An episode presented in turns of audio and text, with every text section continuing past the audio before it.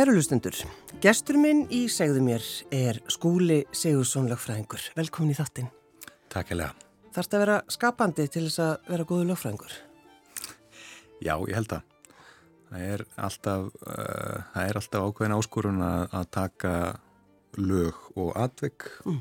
og, og færa þau yfir raunveruleikan og þú þarfst að vera svolítið skapandi til að gera það með samfærandi hætti. Já, en, en það má ekki blanda tilfinningum inn í slikt eða hvað? Ég kannski ekki bannað, Nei. en ég held að fólk geti farið mjög flatt á því mjög fljótt. Þannig að það þarf að halda ákveðin í fjarlæð og, og sinna sínu hlutverki mm. uh, og eftir áttu öðrum þá að veita tilfinningilega stöðning. Já, hvernig lagfræðingur ertu, skuli?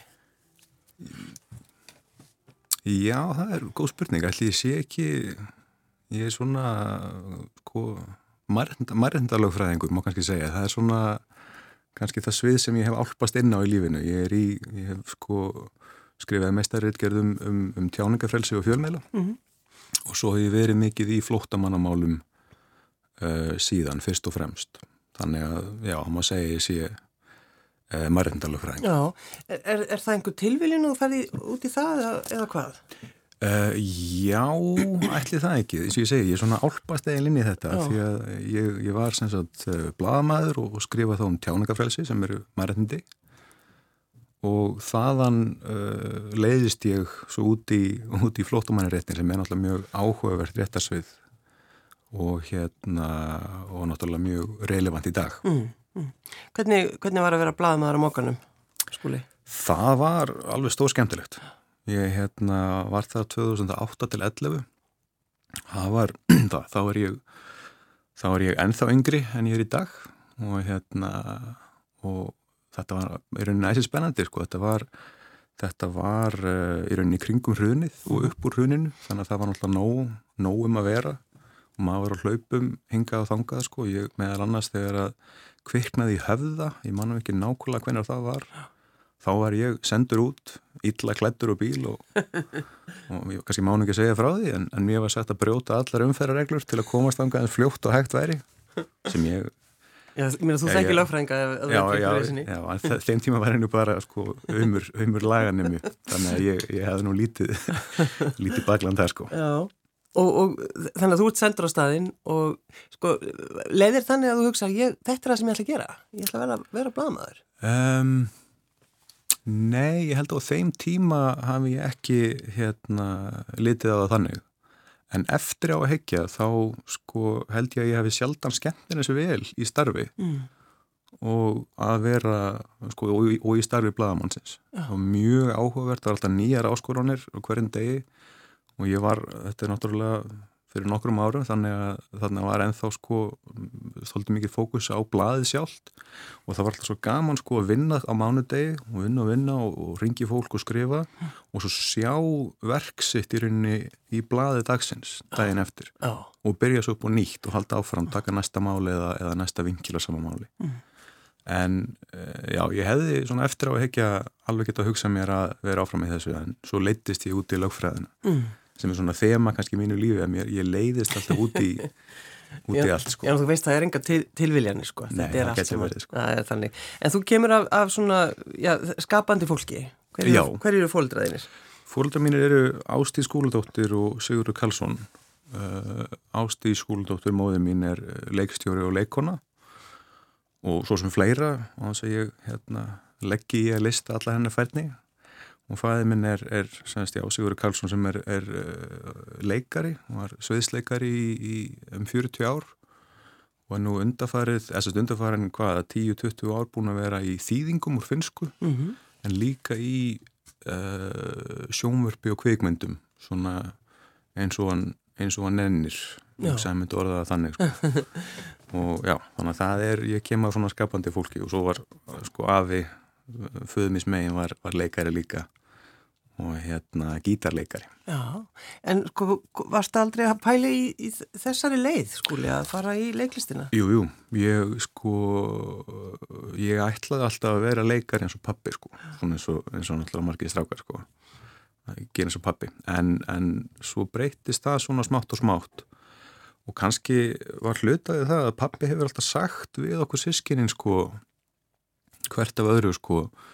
Ef þú hugsaður að vera eitthvað annað en leikari þá skaltu vera það. Og það er af því að allavega eins og þetta horfum við honum þá og, og fleirum sem ég kannast úr stjettinni þá þarf, þarftu slíka ástriðu fyrir starfinu. Mhm.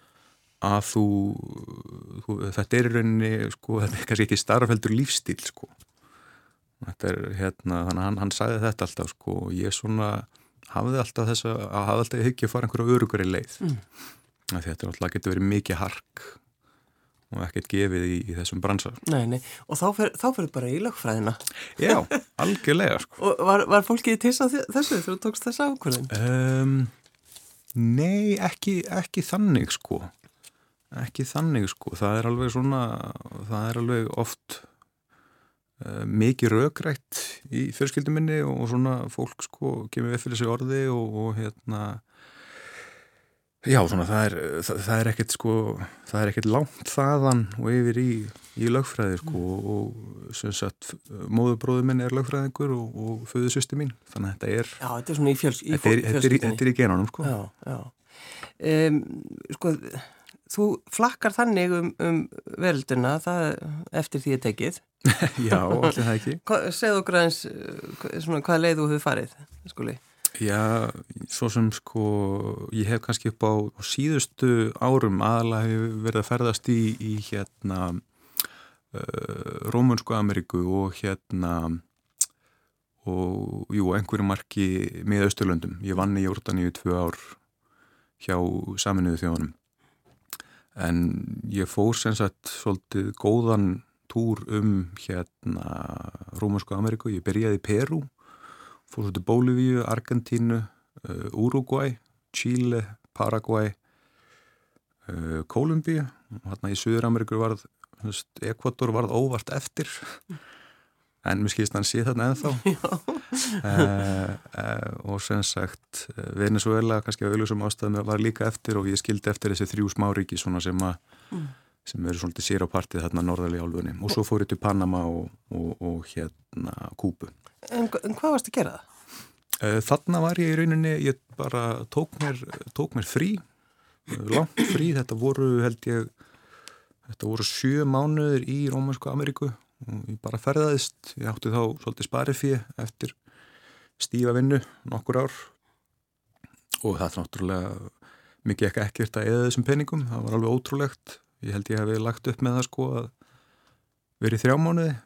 En þegar sko þrjí mánuði voru liðnir þá hafði ekkert tekist gengið að, að sko eða þessu sparfi fyrir þannig að ég hitt bara áfram. Já, en varstu, hvað, varstu eitthvað að brenna út í vinnu eða akkur tekur þessu? Eh, Já, ég var eh, sem sagt eh, búin að vera að vinna þá í, í málum flótamanna og, og bara búið að ganga mikið á.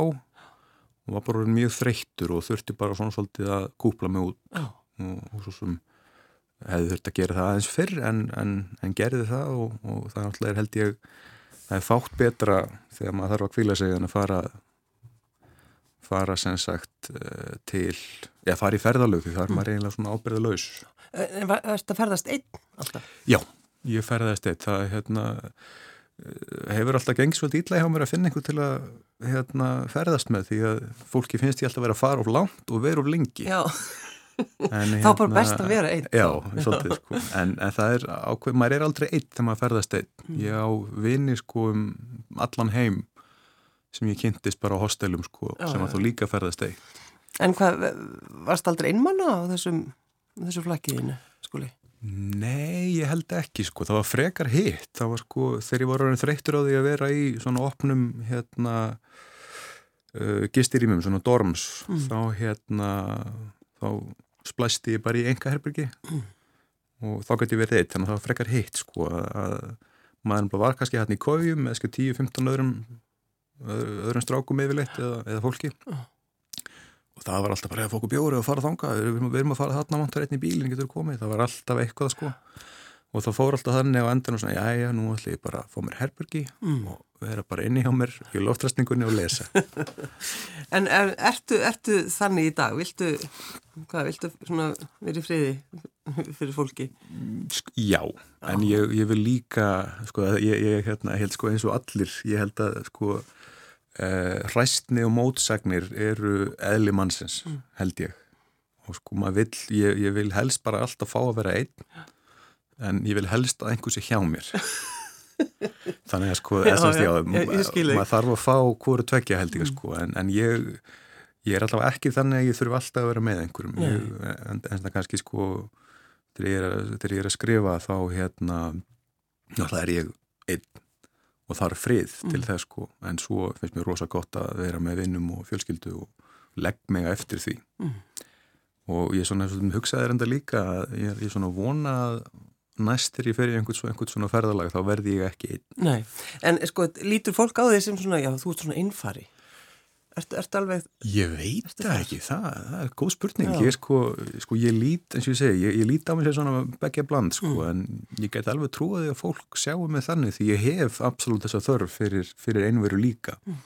Kannski- við höfum það nú öll. það held ég sko, já. það held ég sko en þetta er svona, já, ég held að verður að fá hérna bara vinni og fjölskyldi minni í viðtal til að spyrja það út í. Ég, ég ringi pappa þinn á eftir. já, já, hvað hann segir. Já, en að þú nefndi þetta þú varst orðin sko búin að vinna það mikið, varst orðin uh, já, örmagna, ég veit ekki hvað orð þú vilt nota og uh, þreytur segjum bara þreyttur, já, já, segjum þreytur á þessu. Sko að þetta vinna uh, í tengslu við flottamannaréttin og, og þú veist, að, þú veist þetta hlýtur að vera bara svona svolítið erfitt. og Þetta, svona flottamanna já. hjálpin og það allt saman Þetta getur verið það og, og þetta er náttúrulega eins og bara þessa dagana, það náttúrulega er sko rosalega mikil umræða uh, um þessi mál mm. og, og náttúrulega þrýstingurinn sko er, er mikill allstaðar að og, og þess, en það sem mér hefur alltaf þótt sko uh, kannski erfiðast það er það eins og núna þegar ég er að sem sagt, uh, sem talsmaður fyrir umsækjadur um alþjóðlega vend þú, ert, þú ert það í dag, Já. talsmaður þeirra? Er það svona, já, það er hérna, ég er svona í, allir ég sé ekki einirki, og er í þessu meðal annars. Já, og hérna, það er þetta að maður kemur í viðtal og, og svo er kannski einhver sem á sér er að segja sögu sína. Og hann hefur kannski lendi í sko stríði og pyntingum og einhverjum sko hræðilegum eh, ferðum og smiklurum og hann er að segja mann þessa sögu og maður þarf svolítið að vera meðvitaður um að bara að heyra þessu það hefur áhrif á mann Já. og maður þarf sko eh, að setja upp ákveðna brenju og mér hefur reynst það yfirleitt til til auðveld uh, og, og þá ger ég það með þeim formerkin sko að ég er talsmaður viðkomandi. Og ég hef ákveðið hlutverk í þessu. Mhm. þannig að sko og til þess að gegna því þá má ég ekki sko fara inn á tilfinningarnar. Nei, en ég reyna auðvitað að vera, ég ætla það er ekki það að ég hald einhverju mikill tilfinningar er í fjarlæg nei, nei, nei, nei. ég En, ætla mjög, reyna að vera vinalegur og hlýlegur við fólk sko en, en, en þetta er, þetta er líðandi starfa því að það er erfitt sko og, og fyrir fólk sko líka sem vinnur fyrir, fyrir hérna stjórnvöld útlendingastofnun og kærand útlendingamála, þetta er mikið álag.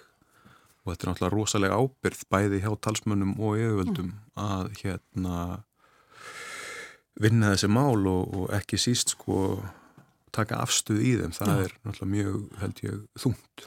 þetta er náttúrulega, veist, þetta er svo, þetta er akkurat núna að gerast, þetta er alveg, þetta er, þannig að þú vaknar á mótnan og veist nákvæmlega hvað þú ert að fara að gera.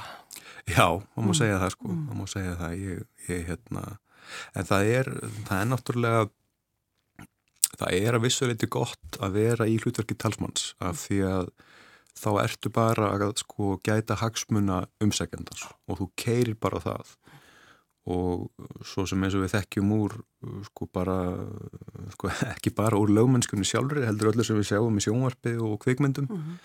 þá náttúrulega stundum verða lögfræðingar að sko halda upp í málstað sem þeir eru ekki endilega sammála eða trú ekki endilega á. Nei, nei, En það getur verið ákveðin svona ákveðin kostur í þessu til þess að maður sko flækist ekki tilfinningarlega í, eða flækist ekki um of í, í málinn tilfinningarlega. já, já. En skúli, sko, að því að þú varst með drauma allar að vera leikari og allt þetta og svo í, í lögfræðina því það er miklu, miklu. Praktískara, sko. Miklu praktiskara. En sko, þú ert náttúrulega skapandi eins og bara þitt fólk. Já, Þannig að þú gast ekki losna við það. Nei, Um, af hverju skrifaru glæpasögu fyrsta lagi sem er sko 527 blaðsögur og öðru lagi eru sko slíkar grafíska lýsingar á ofbeldi að maður þarf að leggja hana frá sér sko í fyrsta lagi þá skrifaði ég ekki glæparsöðu sem er 527 síður sko. Hún, hún var einhver staðar um 700 síður í, í fyrsta uppkasti sko. En, en, en það er kannski eðlilegt að það styttist. En það var í sjálfur sér aldrei ætlurinn að skrifa svona langa bók, hún átti að vera svona 300-350 en ég sá það svona þegar inn í hennar var komið að þetta væri stærri saga en svo. Og sko ég held að það sé eins með uh, já, ég segi það stundum að sko hérna, umröðum stjórnaskrána að stjórnaskrár eigi að vera eins knappar og efniði leifir Já, Og eftir leifur, já, akkurat. en það er svolítið, svolítið sama með bækur held ég. Já, og þessi bók, þessi, þessi saga varð að vera 527 síður. Og það einhvern veginn, ég get ekkert gefið einar haldbæra skýringar á því, það bara, það bara gerðist nei, en, en hvernig, sko, vissur alltaf þú gæti skrifað, sko? Um, Þetta held, þú ert náttúrulega sko, blaðamaður ég- fyrir vendi, ég, held ég viti það ekki enn. En, nei, nei, þetta er mjög sko, gott svar. já, en sko ég, eitt af það sem ég þegar ég byrjaði á þessari eh, þegar ég byrjaði að skrifa stórabróður sem hefur verið haustu 2018 þá hérna þá, þá myndi ég það sko að allstað það sem ég vunnið þá hefur verið haft orð á því að ég hérna, geti skrifað. Og, og kannski, ég veit ekki hvort það var fyrir eða eftir sko blaðmannsstörfin sko en, en hvort sem var þá var það náttúrulega ofbáðslega góðu skóli Mhm. af því að sko þegar maður kannski fekk hérna, herrið það þarf að fjalla um þetta mál hérna en þú hefur ekki nema svo svo mikið pláss í blaðinu Það er þessi þá þarftu texti. þá þarftu sko að sjóða það niður, taka aðlatriðin og þú þarftu að gera frásögna þannig hún sé skýr og allt komast til skila þannig að það var alveg óbúslega góðu skóli og hérna en eins og ég segi, ég samt til að hafa allan fyrirvara á og ég er svona enn óvissum að ég kunna að skrifa og geti skrifað Mhm. Já, og er allavega ennþá að læra þú ert ennþá að læra. Uh, Pappiðin le, les yfir, er það ekki? Þú, Jú, var hann ég, ekki sá fyrsti sem las bókina þína skuli? jú hann, hann var svona svo fyrsti sem að uh, lesa hana með því augna með því að eiga við hana það minnsta og líklega bara svo fyrsti sem las hana sko og, og já, benti á ýmsar styttingar sko, ég sem sem sko að þegar ég var nú með reittstjóra í, í sko hjá, hjá drápu, forlæginu mínu hún Ingur Snædal en, en hún var reittstjórin en, en pappi var skuggareittstjórin sko. Hann var svona fram að því svona maðurinn, maðurinn að baku tjöldin Já, en þegar þú bara tekur ákvörðun skuli, ég ætla bara að skrifa glæpasögu. Já. Þú veist, varstu, varstu hissa á sjálfum þér? Mm, nei, ég held ekki sko, þetta var einhver svona sko, þetta reyndar, ég, einhver staðar á ég sko, einhver, eitthvað en 30 síður á bók sem ég byrjaði á fyrir rúmum áratug. Og uh, hún líklega verður aldrei að veruleika en ég kem til maður að taka ég kem til maður að taka einhverjar einhverju element úr henni á einhverjum tímanböli síðan meira að nota sko. Sko þannig að það, í þetta, þetta skipti í þetta skipti þegar ég sætt snir að skrifa bók það kom mér að eitthvað óvart Nei, nei, nei, nei. það sem kannski kom á óvart var að ég kláraði hana Já. það er hérna, já En uh, segðu okkur aðeins bara frá þessari bók. já, það er hérna Við getum svo, svo getum bara að tala um glæpi og refsingu. já, þangað til að ég sendið út í daginn. Já. sko, þú, þú spurðir áðan um, um þessar óbyldislýsingar hún, hún er svolítið óbyldisfull og hérna, þetta Nei, sko er þessar grafísku lýsingar eru Já. þannig að maður þarf eiginlega að leggja hana frá sig í smá tíma. það er gott að heyra Já, ég, já. það, það, Velkomin. já, til þess að leikurinn gerður að hafa áhrif á lesandan sko og, og ég svona um, það er þegar þú tekur upp bók þá viltu að hún sé hafi áhrif á þig þú vilt sko, yfirleitt sko þegar þú tekur upp bók og lest hana þú vilt sko að þetta sé uh, sko hálgjörða svona rússýpana reið Mm og, og hérna það séu svona þunghöggin á milli sko. og uh, ég svo sem uh, sótti svolítið í sko, þessar óbyrðislýkingar sko, það, það, það, það er svolítið viðkvæmt jafnvægi það verður að vera nóg til þess að hafa áhrif en það má ekki vera svo mikið að það sé eins og höfundurinn sé einhver sérstakur áhuga maður um, um kvalir og píningar Jú, sko. jú. Hva, hvað sagði pappiðinn? Já, já, hann, hann, hann hérna, eitt af það sem hann vildi stitta og var réttilega stitt voru ábyrðilsingarnar og, og hann sagði sko að það er hætt við því að fólk haldi að höfundurinn hafa eitthvað sérstakt gaman að þessu. Já. og hérna, sem að reyndar er að vissuliti satt af því að ég hef, það er mjög gaman að skrifa svona sjokkarendi kabla af því að þú hugsaður um sko eins og bara einn af ógeðfeldari köflunum hérna í, í mjóafyrði í upphafi eða snemma í sögunni þá hérna ég satt þá á te og kaffi í hérna fókitagarðurum sem er þetta búið að loka núna Já.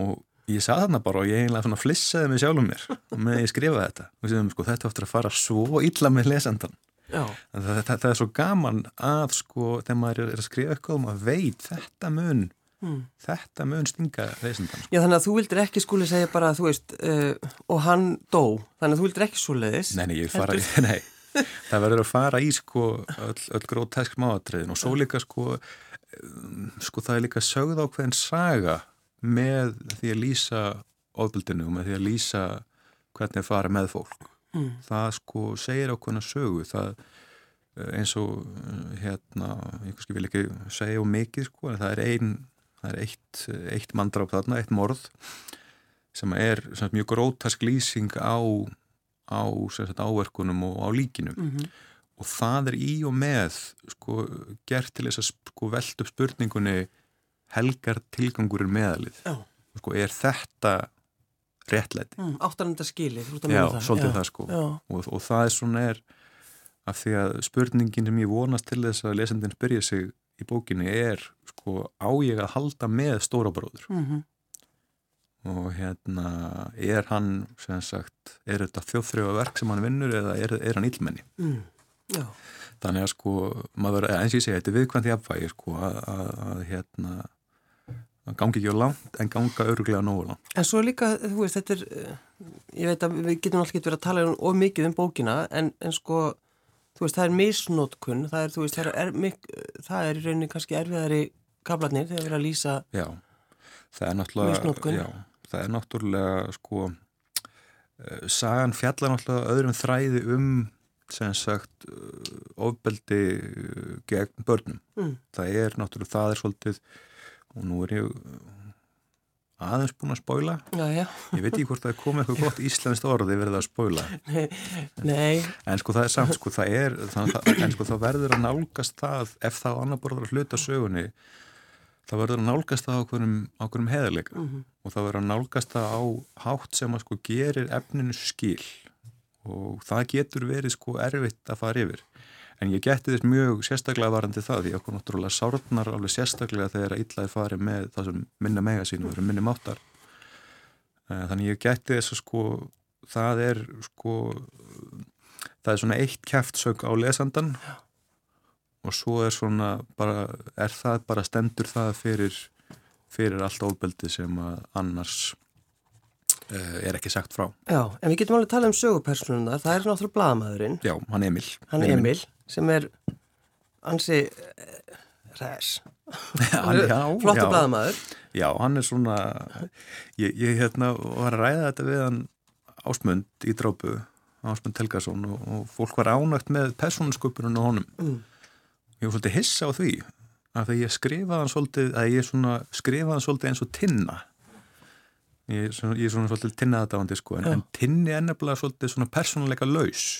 Já, einmitt, En það gerir það að verkum að allir geta samsama já, sig. já, við elskum Já. þetta finna, En sko Emil er þegar maður skoða söguna, hann er bara svona eiginlega fullkomið blaðamæður. Hann Já. er bara svona, hann er svona he- he- fylginn sér, og rétt síðan, prinsip, rétt sít, hann er vinnusamur, hann sko skilur hlutarsett sem blaðamæður að upplýsa almenning mm og hérna hann stendur á sínu, hann er svona bara, þú veist, hann, ég meina hann sko, hann er ekki svona, það myndi enginn kalla hann andhetju nei, eða sko einhverja svona mjög breyska hetju. Já. Það er svona, hann, hann er svolítið, en hann er svona, já, ég held að fólk getur samsamna sig og það er auðvelt að halda með hann. Já, og svo ertu með uh, lögguna, við getum aðeins talað um það líka, það er náttúrulega, sko, það er, uh, það er svolítið líka skemmtilegar Já, personur. já, þú ert að hugsa um að tala um, já, til dæmis, og, og, og svo náttúrulega lauruglustjórin, ríkislauruglustjórin. Einmitt. Eh, Já, það, já, hérna það er annars vegar